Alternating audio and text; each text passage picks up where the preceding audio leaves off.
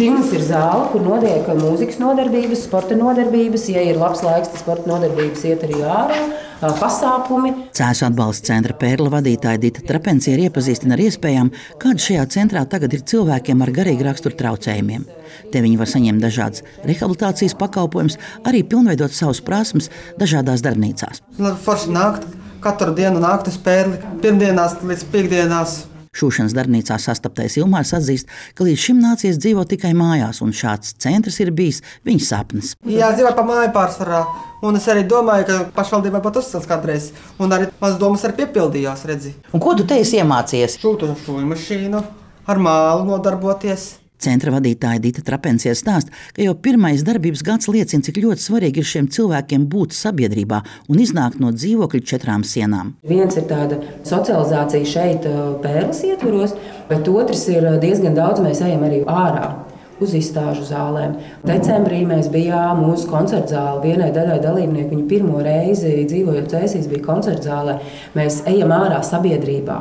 Mēs, protams, pirms tam runājam, stāstam, kā tas ir iedrošinām, jo tas ir mūsu, pieņemsim, pasaka, ka mums ir pieņemšanā pie prezidenta jāiet, tad mums kā, kā tur justies. Viņiem tas ir līdzīgi, piemēram, aiziet uz koncertu zāli. Nu, pirmkārt, ir tas, ka mēs esam parādījuši cilvēkiem, ka viņiem, viņu dzīve ir tāda lielāka jēga. Un līdz ar to, ja to tagad noņem nost, tad atkal nu, tos cilvēkus iedzen tādā kaut kādā būrī. Projekta vidzem iekļauju vadītāja Ina Miķelsona stāsta, ka īstenojot deinstitucionalizācijas programmu un apzinot cilvēkus, kuriem vajag šos pakalpojumus, nācies secināt, ka šis skaitlis ir pat ļoti liels. Kopīgi ar savām pašvaldībām, ar saviem sadarbības partneriem esam ieraudzījuši vairāk kā 700 bērnu ar invaliditāti vajadzības un vairāk kā 600 pieaugušo ar garīgu raksturu traucējumiem vajadzības.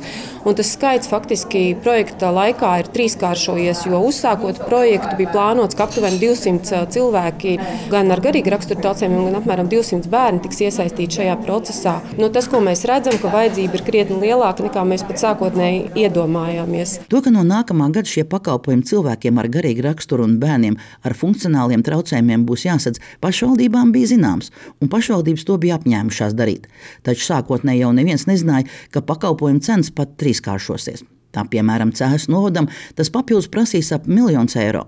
Cēlus novada sociālā dienesta vadītājs Ainārs Judeiks vērtē, ka bez valsts atbalsta neiztikt. Jautājums ir pēc projekta beigām, kas būs. Ja? Un tas ir tas sāpīgākais jautājums, jo tās izmaksas nav mazas. Vai valdība ir gatava teiksim, ar kaut kādu līdzfinansējumu nākt?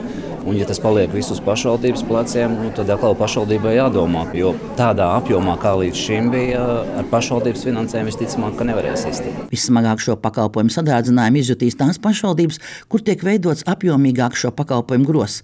Piemēram, Valmijas novadam papildus būs nepieciešams apmēram pusotras miljonus eiro. Labklājības ministrijas valsts sekretāra vietniece Elīna Celmiņa atzīst, ka izprotot situāciju tiek izstrādāts minimālais sociālo pakalpojumu gross. Šobrīd mēs esam tajā stadijā, No.